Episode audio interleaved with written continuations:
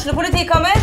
Ine Jansen er purk. Er du purk? The motherfucking bitch. Alt jeg vil, er å finne ut hva som skjedde med mannen min. Jon Carew. Er jeg sikta for noe? Iben Akeli. Det er du. Ole So, Lars Berrum og Big Daddy Karsten. Hvem sin side er du på, egentlig? Anette Hoff, Tone Danielsen, Kommer du fra Afrika? Jørnis Josef, Nesten. Kløfta. Trond Espen Seim, Det er synd å si det, men det var feil mann som døde. Purk. Premiere tirsdag på TV2 Play. Ungsamtalen fra DNB er økonomisk veiledning tilpasset deg som er ung. Bokk en ungsamtale på dnb.no. slash ung. Det er kjempebra hvis du skal inn på boligmarkedet! Hvis det er drømmen din, liksom. Det er det du skulle sagt. Og så kunne du ropt litt mer, da, sånn som jeg gjorde. Bam! Åh,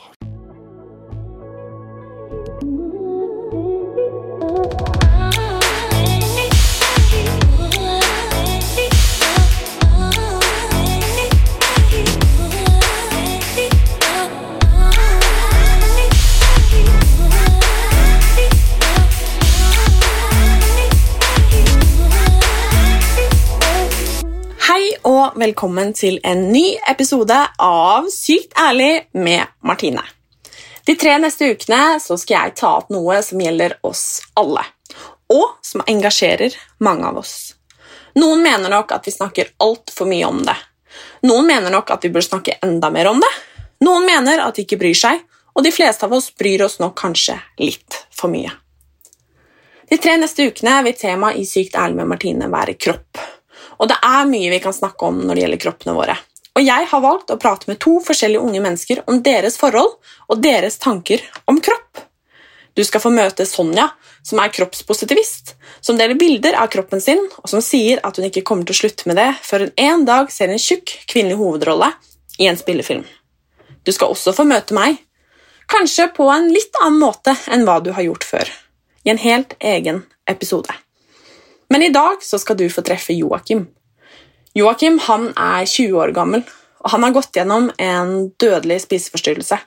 En rekke innleggelser, en psykisk kamp, og han har vært nær døden. I dagens episode så tar vi en prat om hans historie, hvorfor han ønsker å dele, og viktigheten av nettopp det. Og det å ha produsert podkast det siste året, det må jeg innrømme at har vært en utfordring som mye annet. Podkast blir liksom best i studio. Når man sitter i samme rom, og når man både kan le og gråte sammen. Det savner jeg. Men jeg er allikevel veldig glad for at det hver torsdag har kommet en episode om både fine ting, vanskelige ting, tøffe ting og kleine ting, selv om lyden på episodene ikke alltid har vært like god. Så jeg har egentlig bare lyst til å si at jeg er veldig takknemlig for at du lytter til Sykt ærlig med Martine, og for at vi har kunnet fortsette å prate om viktige ting, selv når alt annet har vært vanskelig.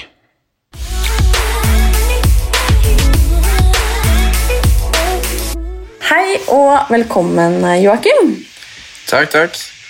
Hvem, hvem er du? Ja, hvem er jeg? Nei, jeg er jo en 20 år gammel gutt som uh, hadde spiseforstyrrelser i ca. fem år og blitt frisk fra det nå. Og velger å dele min historie for å eventuelt hjelpe andre som sliter psykisk eller med spiseforstyrrelser. Og har lagt ut et innlegg om det på Instagram og blitt ambassadør for Spisfo og litt sånne ting, så vi jobbes godt i gang med der og ser fram mot nye og store prosjekter, egentlig. Hvorfor fikk du spiseforstyrrelser? Det, det var vel egentlig mest på grunn av sånn, Det gikk mest på kroppspress, egentlig. Jeg følte jeg hang litt etter i utviklinga selv, og jeg visste jo ikke det på en måte selv, så jeg følte at jeg måtte trene mye for å henge med utviklingen i forhold til andre, for de vokste jo. Jeg var alltid sånn lav, liten og tynn, holdt jeg på å si, og da følte jeg at jeg måtte gjøre noe med det, men det gikk dessverre da motsatt vei, da. Så det utviklet seg i spiseforstyrrelser, og jeg visste jo ikke helt hva det var, jeg hadde jo ikke noe kunnskap om det, så da gikk det rett vest, egentlig. Hvor gammel var du da? Det var litt før konfirmasjonstiden min, så rundt 15-årsalderen det starta. Så det var litt tidlig, syns jeg. si. Det var ganske tidlig. Kan du huske første gang du liksom følte på kroppspress, eller at du ikke passa inn, eller at kroppen din ikke var bra nok? Ja, det var vel kanskje mye i puberteten, da, som sagt. Da de fleste ja, hang Eller var litt før meg, jeg hang litt etter, og de utviklet f.eks. mer muskelmasse enn det jeg gjorde. For jeg har alltid vært sånn liten og tynn og kjapp og sånt i mine sporter jeg har drevet med, men jeg følte kanskje litt på det presset da med å bygge litt da, for å være litt stor og kanskje imponere damene, at man fikk mer damer pga. at man så litt bedre ut. da. Så det var det som egentlig starta det hele, og der jeg begynte å følte på det store. Mm. Tror du at kroppspresset kom fordi at du ville bli likt, eller fordi at du på en måte ville se best mulig ut? Det, egentlig begge deler, tror jeg. Mest, det meste var vel egentlig pga. at jeg ville eh, imponere eller tro at uh, damene ville ha deg mer hvis du så bedre ut eller hadde mer muskler. da. Sånn som man ser litt sånn kan bli framstilt i filmer og sånn, f.eks. At uh, han muskuløse blir valgt, eller han sterke, store mannen, eller noe sånt. Da. Og da følte jeg litt på det, for jeg har alltid vært liten, så da Da tok jeg til det, og da gikk det dessverre feil vei. Men jeg ville jo også se bra ut sjøl, men det gikk jo til en, det gikk jo feil vei. Det gikk jo psykisk, så det gikk jo ikke den rette veien, for å si det sånn. Mm. Jeg syns det er så sjukt uh, viktig at du, uh, at du, prater om det her. Uh, fordi at jeg prøver liksom å tenke tilbake til da jeg gikk på ungdomsskolen. Da. Ja. og da ble det liksom alltid prata om liksom kroppspress blant oss jentene, og jeg husker at jeg følte en del på det selv. men jeg liksom Da tenkte jeg aldri på at det kunne liksom gjelde gutta òg? Nei, det var litt sånn hos oss òg, egentlig. Det var ikke så mange som trodde at gutter kunne få det. eller Man hadde jo aldri hørt om det heller. Man tenkte jo at det var en så å si jentesykdom, da, som man kaller det. Men det er det jo absolutt ikke, og det gjelder nesten de fleste sykdommer som gjelder psykisk. Så det er veldig sånn trist at mange kan definere det som en jentesykdom, da, eller ser det som at det er bare jenter som får det. Mm. Det er det jo ikke. Hva var det som skjedde for din del? Hva tenker du på da? Når du Jeg vet ikke Når du begynte å bli syk, altså hvordan forandra liksom hverdagen din seg? Hvordan, hvordan, ble du? Hvordan fikk du det? Nei, det ble, jeg ble jo mye mer isolert fra venner og sånne ting. Jeg var ikke med så mye på ting eller spiste ute eller gjorde ting med venner lenger til slutt. Da det var i hvert fall som verst, holdt jeg på å si. Da var jeg jo veldig langt nede psykisk. Så det var jo mest fokus på mat og trening, og jeg trente jo ganske mange timer om dagen, pluss at jeg nesten ikke spiste noe. Så det var jo stor påkjenning på kropp, hjerte og hode. Det var jo Holdt på å stryke med et par ganger. Så det, det var tøft, det var det. Var målet å liksom bli perfekt? Det var vel kanskje på en måte det, ja. Eller få den perfekte kroppen man trodde man kunne få, men den fins jo ikke. Perfekt er jo det største hinderet til bra nok. Så det er det mange, mange leter etter eller prøver å oppnå det perfekte, men det er ikke der, egentlig. Det er når du føler deg bra med deg selv og din helse, da, da, da er det på en måte perfekt. Mm. Så det er veldig viktig å tenke på og huske. Når var det du forsto at du var syk? Det var vel kanskje da foreldrene mine holdt jeg på å si, tok meg til legen for første gang. Men eh, legen tok meg ikke seriøst, eller tok oss seriøst, så vi bytta lege. Og det var da jeg egentlig skjønte det selv. At, mm. Eh, da, eller jeg skjønte jo litt før, men ikke hva det var. Liksom Hva det gikk ut på, hvor fælt og hvor jævlig det egentlig livet eller de siste, neste året skulle bli.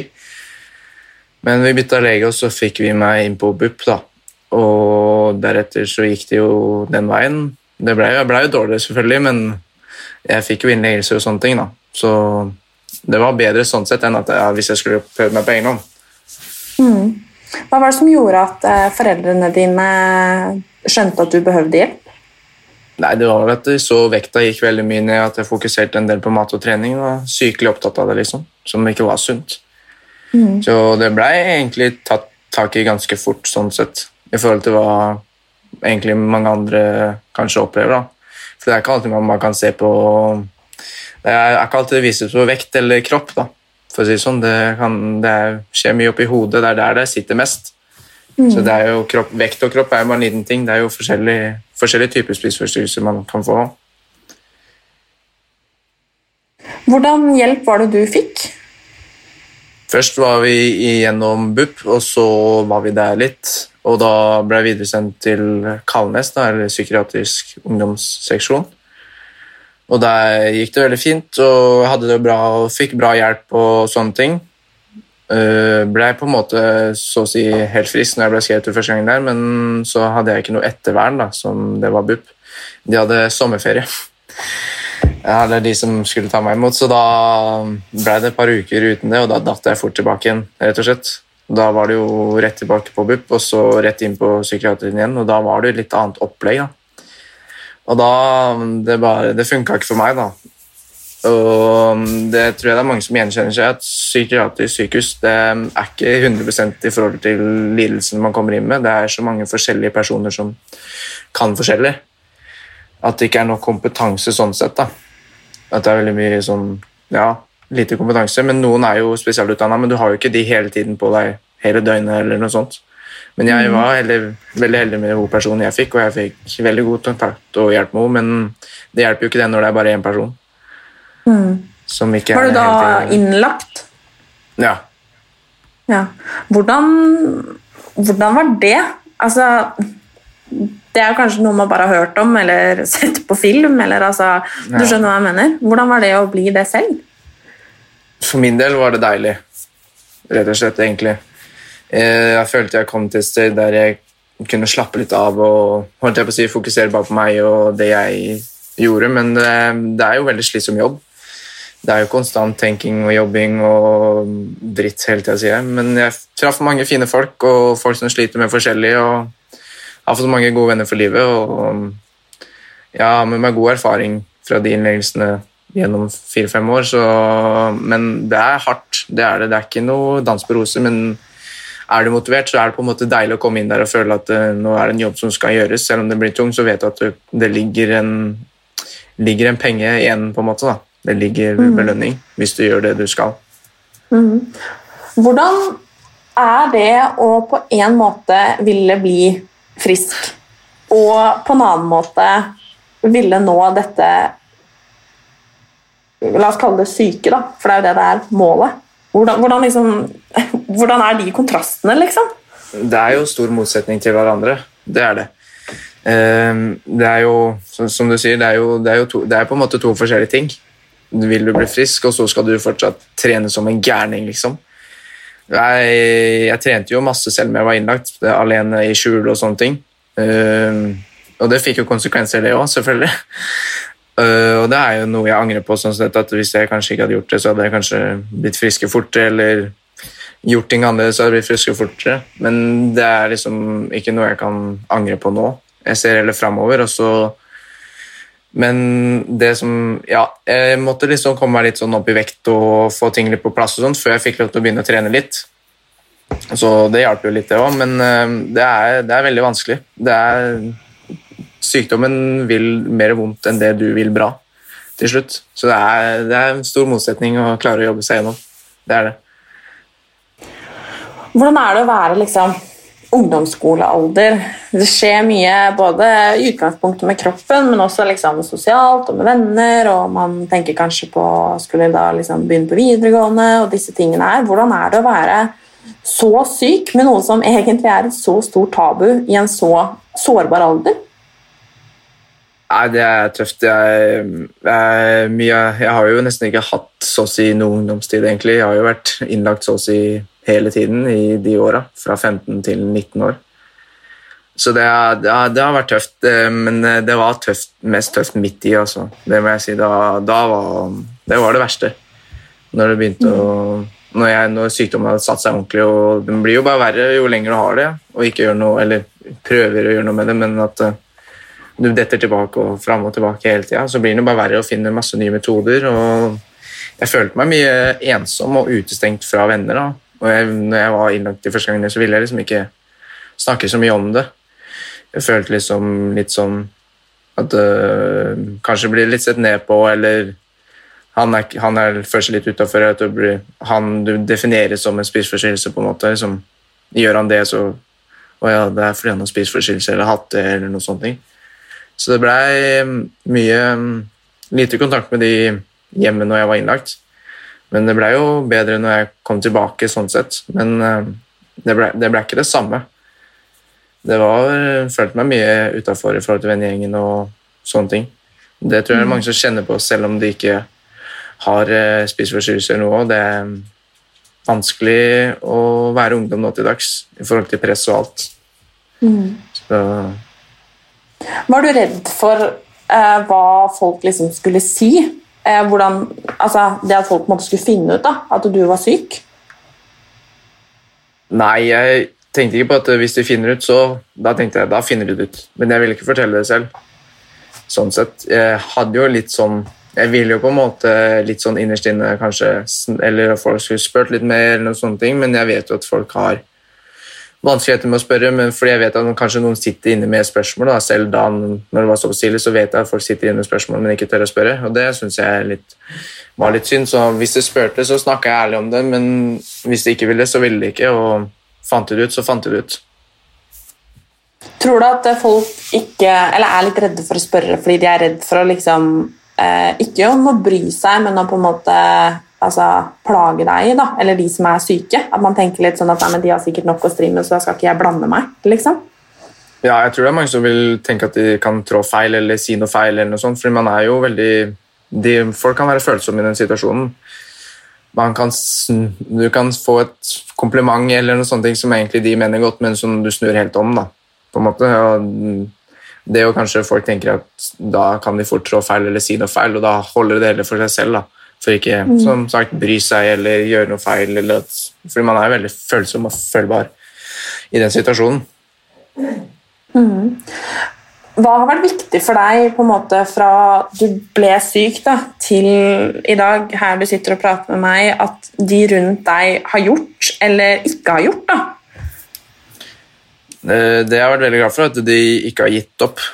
På en måte, eh, Så å si for hvor mye vi har krangla og diskutert om alt, og hvor mye dritt vi har gått gjennom. egentlig.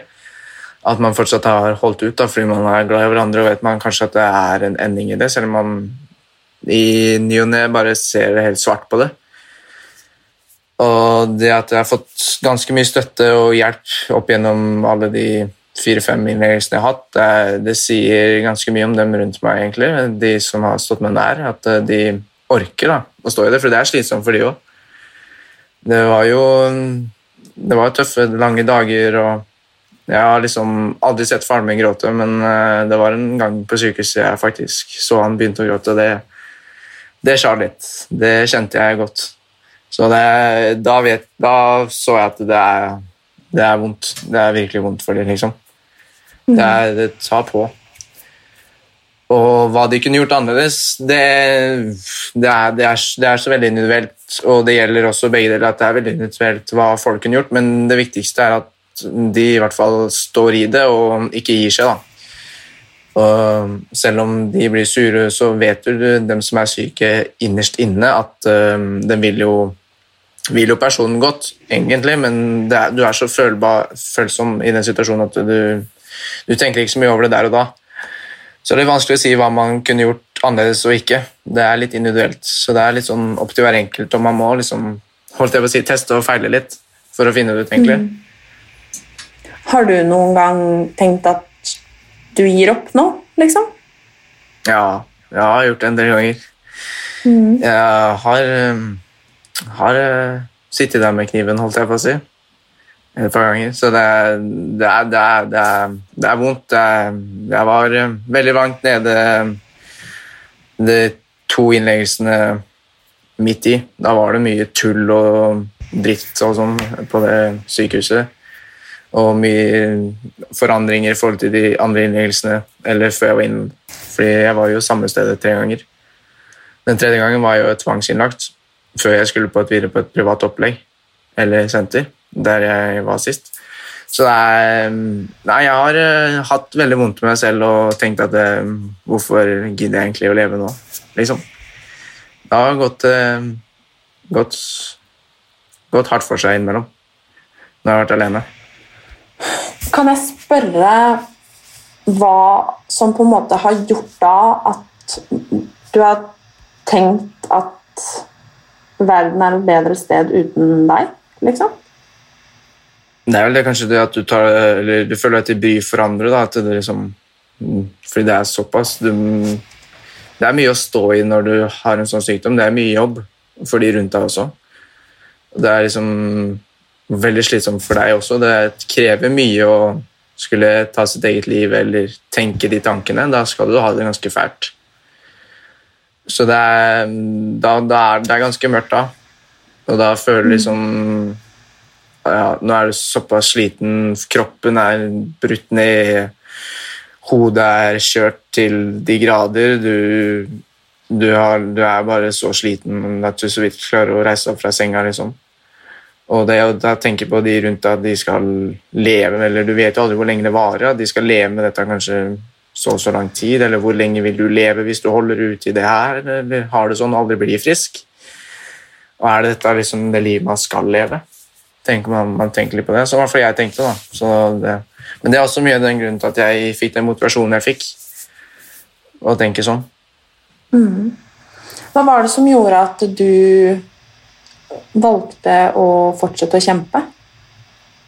Det var vel det at jeg, jeg var såpass glad i de rundt meg og mitt eget liv sånn sett at jeg aldri klarte å gi opp, og jeg visste at um, blir du frisk, så kan du få det livet du faktisk en gang hadde før du ble syk, at ting kan bli bra igjen, og at du får det fint med venner og sosialt og liv og familie etter hvert og sånne ting. da.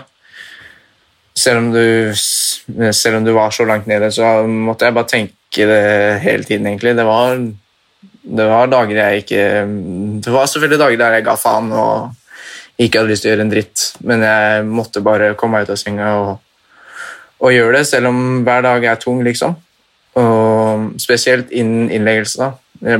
Så jeg ble jo tvangsinnlagt en gang også, for jeg hadde så lav vekt og fare for hjertet i forhold til at jeg trente så mye. og at fordi jeg ble tvangsinnlagt før jeg skulle på det private stedet, og der hadde de ikke sånn hjertemåler, og sånt, så jeg måtte bli tvangsinnlagt en uka før da, for å følge med på hjertet hver dag og vekt og alt. Så jeg hadde litt flaks med at jeg kom inn også. Så det å tenke at man Det er, en utvei, men det er, det er en slit og jobb og dritt å stå i, men det lønner seg til slutt hvis du faktisk gidder. da.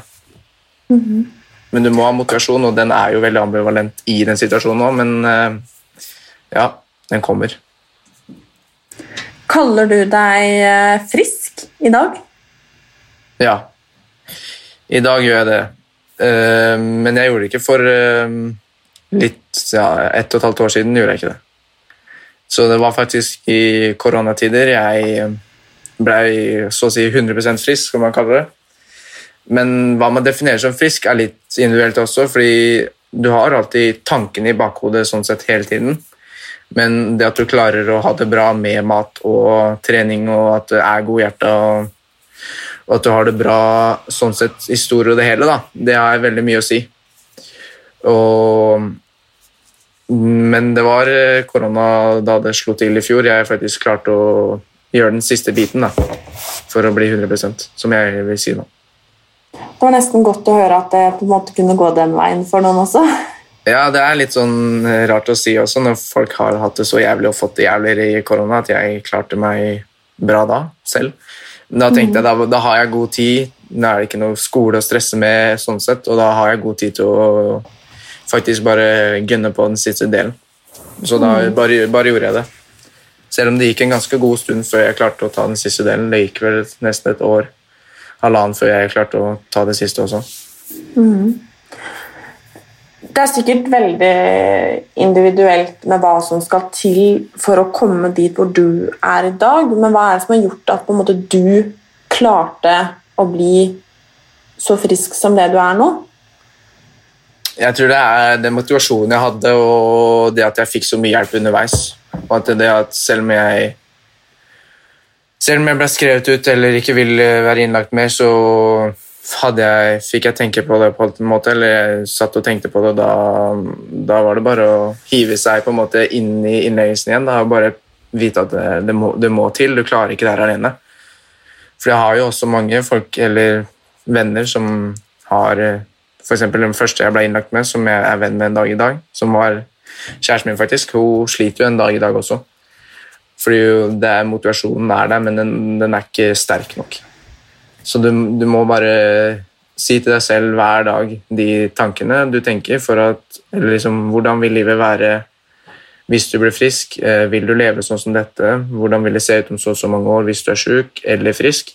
At man liksom finner en god motivator da, men, eller motivasjon som man sier til seg selv hver dag for at man skal komme seg gjennom dagen og vite at uh, denne dagen blir et helvete, men i enden så er det lys, liksom. Og det blir lysere og lysere for hver, hver dag man tar, og hvor, uansett hvor mørkt det er. Så du kommer bare sterkere ut av det. Mm. Vi har jo et ekstremt stort fokus på kropp. Altså mm. i, i, dagens samfunn, liksom. Eh, både på liksom Altså hvor enn vi snur oss, egentlig, eh, ja. blir vi jo eksponert for kropp på en eller annen måte. Eh, hvor skadelig tror du, hvis vi skal kalle det liksom, kroppspress, da, hvor skadelig tror du at det er? Hvor skadelig har det vært for deg? Uh, ja, Det har jeg sagt litt om hvor skadelig det egentlig er. Det um, har jo vært nær døden, holdt jeg på å si. Det kan jo gå såpass langt for mange. Uh, og det har det jo også gjort. Det er jo folk som har dødd av det. Uh, og får, det er ikke bare spiseforstyrrelser du kan få kroppspress, det er jo andre psykiske lidelser også. Så det er, det er, eh, veldig individuelt også hvordan det slår inn på folk og hva de gjør med en, men eh, det er, det er mye kroppspress i dag i dag når man ser på Instagram og folk legger ut de fineste bildene og mest redigert og alt. Selvfølgelig, det er fint å ha en sunn kropp og trene og holde seg i form, og sånn, men det er hvordan hodet også er. da. Det er viktig at det er begge tinga spiller på lag. At det ikke er mm. bare kroppen som har det bra eller sunt, men det er også hodet som gjelder mye. Mm. Du skal klare å leve og stå i det og ha det bra med psyken. Og ikke mm. lage det problemer, mer problemer enn det det egentlig er. Så det er veldig individuelt. Mm. Hvor viktig er trening for deg i dag? Ja, det, det, trening var det som fikk meg til å bli syk, og trening er det som redda meg. Så trening har enormt mye å si for meg. Eh, jeg selv eh, har trent siden jeg ble skrevet ut skrevet ut siste gangen. Da har jeg egentlig vært på treningssenteret og brukt det som terapi. Og det har hjulpet meg masse i tyngre perioder og i lette perioder. Og jeg kan gå og ha en sinnssykt drittdag, og likevel så går jeg på trening fordi jeg vet at eh, etter den treningsøkta så er livet herlig igjen. Så trening har blitt lysbetont for meg og en, rett og slett en klippe. da. Så jeg bruker det masse, og jeg har en Du kan jo si at Noen vil jo si at jeg er sykelig opptatt, men jeg har fått så interesse for trening og sånne ting, og mat, og, fordi jeg har lært så mye om det, at jeg har hyra inn coach som, gjør, eller, som hjelper meg med ting, fordi ikke jeg er så ekspert på det, men som hjelper meg å gjøre de små detaljene som gjør ting bedre. og hvis jeg I forhold til å tilpasse ting i min hverdag og sånne ting. Så det har jeg investert i, at jeg har coach, og det um, angrer jeg ikke på. Det setter jeg veldig pris på. Det er, det er et uh, mindre, litt mindre arbeid for meg da, å ha en sånn en. Og jeg vet at trening hjelper for mange lidelser. Det gjør det. Så også at man burde bruke mye mer trening i selv i spiseforstyrrelser, men til en grad der at det er sunt. For det det er to forskjellige ting, at det er usunt og sunt. Men hvordan finner man den balansen? Å gå fra å trene at det er sykelig, liksom, der du har vært, til at det er lystbetont? Hvordan, eller at det, ikke bare at det er lystbetont, for det har det på mange måter kanskje vært selv om du har vært syk, men, men ja, hvordan, at, det er, at det går fra å være usunn til å være bra, da? Nei, Jeg tror det henger mye med hvordan du føler deg, og hvordan det hverdagslige er. Da. Du, at du for ja, Et eksempel at det, ja, blir de ute i dag? Nei, jeg må trene, liksom, eller sånne ting. da for eksempel, at man dropper ting veldig ofte eller noe sånt for at man skal trene. Eh, det er greit å ta seg fri innimellom, og det er greit å ha faste treningsdager, og sånne ting, men hvis man tenker for mye på det og er liksom too into it, holdt jeg på å si, at det blir liksom trening, trening, trening, mat, mat, mat, og man skyver unna det sosiale, og det går utover skole og alt sånne ting, da, da må du se på noen andre eller se på løsninger du kan gjøre for å fikse det. Det, det er der jeg tenker grensa går, da. Som, i forhold til min erfaring. da. Mm. Er du noen gang redd for å liksom falle tilbake? Jeg var det i før eh, korona, men eh, etter korona så er jeg ikke det. Jeg veit så sikkert på meg selv at uh, dit vil jeg ikke igjen. og jeg, Det er veldig mye som skal til. Uansett hva som skjer i livet, tror jeg, så kommer jeg aldri til å falle tilbake hit. Det er den mørkeste tiden i livet mitt noen gang. og At jeg faktisk sitter her i dag, er et under, egentlig. Så uh, nei, det er ikke noe jeg tenker på. Jeg er redd for. Det er innmari fint å høre, og jeg er så innmari glad for at du sitter her. Ja. det er jeg òg. Det er eh, Ja, nei, det er eh, ordentlig, ordentlig fint. Ja. Og dette har jo på en måte tatt fra deg liksom de viktigste ungdomsårene. det har det. Um, er det noe du føler liksom du har gått glipp av? Ja, det er jo det, er jo det egentlig. Det har jo gått glipp av ganske mye. Da, I løpet av fra 15 til 18 så har jeg vært innlagt, egentlig. Og så har jeg jo slitt selv, litt, selv om jeg har vært utskrevet den siste gangen, så det har jo Men eh, etter jeg ble skrevet siste gang, så var jeg mye ute og festa og sånne ting, så jeg henta det jo litt inn der, da, men eh, uansett eh, det, her, det er år du ikke får tilbake, for å si det sånn, men eh, jeg har jo Jeg kan ikke se tilbake og angre på det og gnage på det, så jeg tar det heller som kunnskap. Og så heller se framover, og så bruker jeg det, det det er godt for, og så lever jeg livet som det er nå. Men det har jo ført med seg en del plager. Jeg har jo f.eks. søvnproblemer en dag i dag. Og det er ganske heavy. Um, første år, Jeg har jo slitt med det nå i to år etter jeg ble frisk. og Første året var jo Sov jeg i fem timer, så var jeg fornøyd. Men jeg sov maks to-tre timer. Så det er en ting jeg har jobba med i to år nå, og stressa mye rundt, da, som har gjort det på en måte si så ja, verre. Men eh, jeg driver og har gjort en skik skikkelig research nå, så jeg driver og prøver å Det blir bedre nå, håper jeg, så det har kommet seg litt. Men uh, det er tungt, det òg, å vite at du er blitt frisk og ting er bra, og så er det en ting som skal dumpe deg ned- litt ned igjen, for det går mye på psyken, det òg, å være så lite, så jeg merker jo på humøret og alt. Så Men det er erfaring, ser jeg det som, ikke noe annet. Du sa jo at eh, noen av, eller en av grunnene til at du kanskje altså, dette utvikla seg, da, mm. var var annet for at du ville altså, få damer og den pakka der, liksom. Ja. Hvordan Det er kanskje litt personlig, da, men hvordan har på en måte det vært vært å skulle gjøre det mens du har vært så syk? Altså, Har det liksom latt seg kombinere i det hele tatt, eller ble egentlig det liksom intensjonen med det din verste fiende, liksom? Og skulle prøve å få seg damer? hva tenkte du på? Ja, eller liksom Gå da fra på en måte begynne til å liksom Ja, skulle være attraktiv, da. Eh, som en av grunnene til å skulle liksom Til å bli så syk og kanskje ja, Kanskje til og med bli litt uattraktiv pga. sykdommen. Ja, jeg følte jo det på et punkt der at jeg veide 40 kilo, så var det ikke så attraktivt akkurat. Det så var ikke så mye bein og, eller kjøtt å ta i, holdt jeg på å si.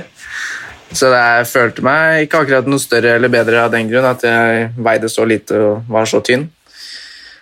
Um, men uh, første innleggelsen fikk jeg jo faktisk meg dame, som sagt. Så det, det går litt begge veier. Men nei, jeg følte meg ikke vel. Det gjorde jeg ikke. Jeg gjorde vel egentlig aldri det før jeg kom opp i en god vekt, selv om det var vanskelig for meg å være i den posisjonen. Men da følte jeg meg mye bedre i humør, og jeg merka det jo. Ting gikk bedre. Og så har man jo alltid hatt Jeg har jo alltid vært lav, så jeg har alltid hatt et litt sånn issue der om at um, at jenter skal ha høye gutter og vil ha høye gutter. Så det, er, um, det har jo litt sånn kombo, det med det at jeg ble sjuk, at det var liksom muskler og høyde jeg mangla. Men uh, det har gått greit etter det, og jeg har liksom prøvd å legge det litt bak meg i forhold til høyde. og sånt. Det er jo det som er det største problemet sånn sett nå, at jeg føler, litt på det nå, det er høyden. At uh, gutt, eller jenter vil ha høyere gutter, og jeg er lav, liksom. Du har jo, jeg har jo fått hørt det en del opp gjennom åra òg. Det er ikke noe som akkurat bare flyr forbi det heller. Så Men skal jeg si deg nå? Jeg er høyere enn kjæresten min. og det går fint, det òg. Det gjør det, ja. det er godt å høre. Det gjør det. Ja. og jeg har alltid, alltid fått høre det, jeg òg. Litt den der at nei, man må ha en fyr som er høyere, liksom. Mm. Eh, og at, eh, og ja, det har gjort at jeg ofte har følt meg stor. Ikke sant? Fordi at jeg har vært eh, 1,80 høy, liksom. Og Mm. eh, altså At jeg følte motsatt, da. Eh, Men så er det ganske rart at eh, kjærlighet måles ikke i høyde. Det er Nei. ganske rart med det. Det har jeg funnet ut litt etter hvert, men det er, det er sånn mange ungdommer tenker. De Mhm. tenker ikke De tenker mye på utseendet, som sagt. Det er, Og det er jo ikke så rart. Altså, vi, Det er det det ikke. Si, vi blir jo fora med det, og vi, vi er jo den mentaliteten da, for eksempel med at mannen skal være stor og sterk og dama skal være liten og nett. Liksom. Det kommer jo fra et sted. Det gjør det. Um, og det er jo Da tenker jeg at det er fint at man kan prate om det og vise at det, det er faktisk bare tullball. At det er sånn det må Mm. være, liksom. Det er det. Det er veldig viktig. Det er, jeg tror det er mange som kjenner på det. Både i forhold til høyde og kropp og alt. Så at det er ikke det som teller sånn innerst inne. Finner du en som du forelsker deg i, så er det ikke utseendet du tenker på da. Det er ikke det du blir forelska i. Det er jo det indre.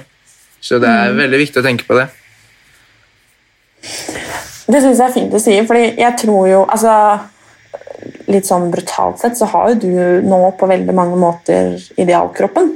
Mm. Eh, Ja, det er sikkert for mange veldig mange. Ja, det er sikkert mange som skulle ønske seg den. Det er nok. Men eh, det er Folk er forskjellige, og det er, det er bare sånn det er. Og det er litt sånn hva du legger i det selv, og det er bare viktig å gjøre seg selv til den beste utgaven av det man kan være. Mm. Jeg ser jo mange folk som jeg skulle ønske at jeg var sånn, eller ditten og datten, eller folk som sover eksempel ti timer. Jeg skulle ønske jeg var der, liksom, men jeg kan ikke tenke sånn. Det er ikke meg. Det er, du må tenke hva som du kan oppnå. Hva som I forhold til at du føler deg vel og klarer. Du kan ikke sammenligne deg med for eksempel, som jeg har sagt, da, Vi var jo det i Clubhouse med Emil Mek, at det er mange som sammenligner seg med han. da. At de vil bli som han og se ut som han. Det, er jo, det ligger ganske mye bak der, for å si det sånn. Og det gjør det jo eksempel hos meg òg. Det ligger jo ikke bare at jeg trener litt og spiser det og litt sånn. Det har jo vært struktur og mye ordninger og mye jobb bak det òg. Men Og eh, faktisk eh, nær døden noen ganger òg. ja, så det, det er litt sånn hva man vil legge i det. Og det å gå fra 40 kilo til 60 kilo, det er en stor forandring for meg. Jeg, jeg merker det, og det kunne ikke vært mer glad for at jeg sitter her en dag i dag, for å si det sånn. Det er jo veldig mange som, altså, som du sier, og det syns jeg er litt fint å høre at gutta også kan føle på dette her, liksom, at man skal passe for en partner, liksom. Og jeg tror jo veldig mange jenter føler at de må se sånn ut eller sånn ut eh, andre veien også. Eh, og da syns jeg det er så fint at du også sier det, da, at eh, det er liksom ikke det som er er det aller viktigste, liksom. For det er det jo ikke. Det er ikke det. Og det at uh, menn også kan tørre å snakke om følelser og vise følelser, det er veldig viktig. Det er noe menn uh, sliter, eller, sliter med. Ja. Det, det er ikke kvinner, bare kvinner som kan vise følelser og ha det vondt og vanskelig. Det er mange menn også, så det, det er noe vi jobber med i Spis for om dagen òg. At uh, vi har mye fokus på menn og spiseforstyrrelser og psykisk lidelse. Så det er noe menn må steppe opp litt og tørre å snakke om. Så det er bra det kommer litt fram i lyset nå i forhold til det Clubhouse-rommet og sånne ting. At det Mm. kommer mer fram. At man hører at mer tar hjelp eller spør om hjelp og sånne ting. Så det er veldig bra, etter min mening. Men hvor viktig, hvor viktig er det å spørre om hjelp? da? Hvor viktig har det vært for deg å få hjelp? Jeg kan si det sånn, jeg mm, vet ikke om jeg hadde sittet her og vært med den personen jeg er i dag hvis ikke jeg hadde fått hjelp. Det mm, kommer helt an på hvor du er i en sykdom, og hvorvidt du klarer å gjøre ting selv, og mm, ja, hva slags hjelp man får, ikke minst. Og hvor flinke de er, og hvordan du tar imot hjelpa og sånne ting. Så det er, det er mye som spiller inn der. Det er det. Hvorfor tror du at det er så enormt mye skam knytta til det å være mann og slite med kropp og eget utseende og spiseforstyrrelser? Det er vel det at det kommer litt fra gamle tider at man liksom menn skal være litt hardbarka og ikke vise så mye følelser og sånne ting. At man er ja. Han eh, er ute og jobber og skal tjene penger, og da At for eksempel hvis en, du har kanskje, Man har jo kanskje opplevd det litt selv, eller folk har opplevd det litt selv i barndommen, eksempel at hvis en gutt slår seg, og jente slår seg, så Nei, det er ikke så farlig med gutta, liksom. De klarer seg. Det er ikke noe synd på dem eller noen sånne ting. Så det er vel kanskje allerede i barnehagen man må begynne å ta tak i det. Og vise at det er, det er faktisk ganske likt for begge to. Og at uh, det ikke er noe mindre verdt eller sånne ting hvis du viser følelser. Det er bare, jeg syns det er tøft. Jeg syns det er tøffere at du viser følelser og står for den du er, enn at du har muskler og er høy, liksom.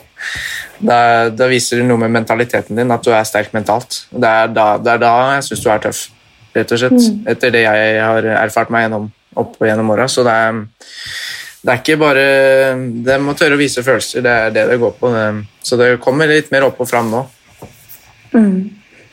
Det sitter garantert noen og hører på den episoden her, Joakim, som er syke eh, på den ene eller andre måten. Eh, har, har du noe du har lyst til å si til dem? Ja, det er vel eh, Det kan vi si at det er ganske mye, det er, men eh, det er det at du må tørre å ta steget og spørre om hjelp, eller gå fram, først og fremst. Så kommer det meste litt av seg sjøl, på en måte. Men eh, jeg er også åpen for at folk kan sende meg melding på Instagram eller sånne ting og snakke med meg. Det er jeg veldig åpen for, og jeg hjelper med stor glede. Så, men må, du må ta steget og faktisk spørre om hjelp hvis du vil det. da. Men det er vanskelig å hjelpe en person hvis du ikke er villig til å ta hjelp. Det er der, det er der folk sliter litt. Fordi når du er såpass inne i en sykdom, så er liksom, du har så mye ambivalent motivasjon. For eksempel jeg Ved siste innleggelse så var egentlig ventetiden fire måneder, men jeg kom inn på to uker fordi jeg var såpass motivert og ville jobbe, og det stedet jeg var på, var privat, så der handler det litt litt om at du må ta egen motivasjon for å jobbe. da. Og der er det eksperter, eller de har bare spesial på spiseforstyrrelser, så det, er, det er, var veldig god hjelp. Men det handler om å ta steget, først til fastlege, f.eks., og ta derfra. Men jeg stiller gjerne opp hvis det er noen som har noen spørsmål uansett, eller om pårørende har spørsmål og sånne ting, så det er bare å sende meg en melding. Jeg hjelper med glede. Det er så innmari fint. Og derfor lurer jeg også på, som eh, pårørende, hva, hva kan man gjøre? Enten om det er en i klassen, eller en på fotballaget, eller en, altså en fetter eller kusine, eller barn. Eller altså, uansett hva det måtte være. Hvordan kan man på en måte hjelpe? Ja, det er, mm, det er litt vanskelig, men jeg tror man kan prøve liksom å hvis det kanskje ta litt kontakt med den det gjelder, eller de det gjelder liksom i familien, eller noe sånt, og høre liksom hva de tenker, eller om du vet at det kanskje er noe problem, at du kontakter f.eks. der jeg, jeg er ambassadør, Spisfo eller Nettros eller sånne ting, for å eventuelt få litt tips og hjelp om For der er de, vi er veldig flinke, og chatten er åpen, og det er telefon du kan ringe til og sånne ting. Eller så er det egentlig mm, det å bare åle seg litt forsiktig fram, tror jeg, og ikke presse for mye på, for da det kan være feil, og det kan være riktig, og da kan det kan bli sårt for den som blir tatt på det, på en måte. Så det er litt, jeg tror det er, det er litt vanskelig å si egentlig hvordan man bør gå frem, men hvis du er pårørende, så er det kanskje lurt å ta kontakt med hvis, det er mor til en på fotballaget, snakke med moren eller noe sånt da, eller høre litt som dem imellom først, for eksempel, eller snakke litt rolig med den det gjelder, og høre litt hva den tenker, eller noen sånne ting, for det er ikke så lett å åpne seg, som sagt. Det er jo mange som sliter med det, men hvis du faktisk spør, så kanskje han sier det litt som det er. Jeg er glad det finnes sånne som deg. Jeg. ja, jo, ligge så. Ligge så. Er, eh, jeg er veldig veldig glad for at du eh, ville prate med meg, eh, Joakim.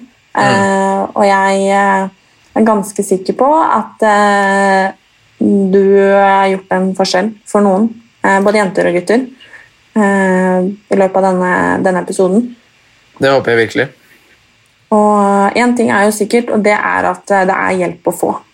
Det er det. Det skal det ikke stå på. Så uansett så er det bare å spørre. Og dette er jo bare litt av det hele, så det er jo ganske mye som man kunne, man kunne sitte her og snakke en del timer, for å si det sånn. For det, det jeg har bare sagt nå, er bare litt generelt. Det ligger så mye, mye mer under isfjellet, som man kan si, da, enn det vi har snakket om. Så det er bare å slide inn i DM-en min om det er noe. Joakim Øyen Yes. på Instagram. Og eh, kanskje minne om det at eh, man er faktisk ikke til bry. Det er sant. Du er, eh, folk vil hjelpe mer enn du tror. Så mm, man er ikke til bry, nei. Det, folk flest vil hjelpe. Det er en grunn til at de har utdanna seg som det, eller man gjør det og det, eksempel, som jeg. Så det, er- det er bare å spørre om hjelp. Det er ikke noe å være redd for. Du vil takke deg sjøl senere, for å si det sånn. Tusen takk, eh, Joakim, for at du ville prate med meg. Jo, bare hyggelig, og det var stor glede. Så det var veldig hyggelig. Da sier vi ha det, da. Da gjør vi det. Ha det, da. Ha det. Ha det.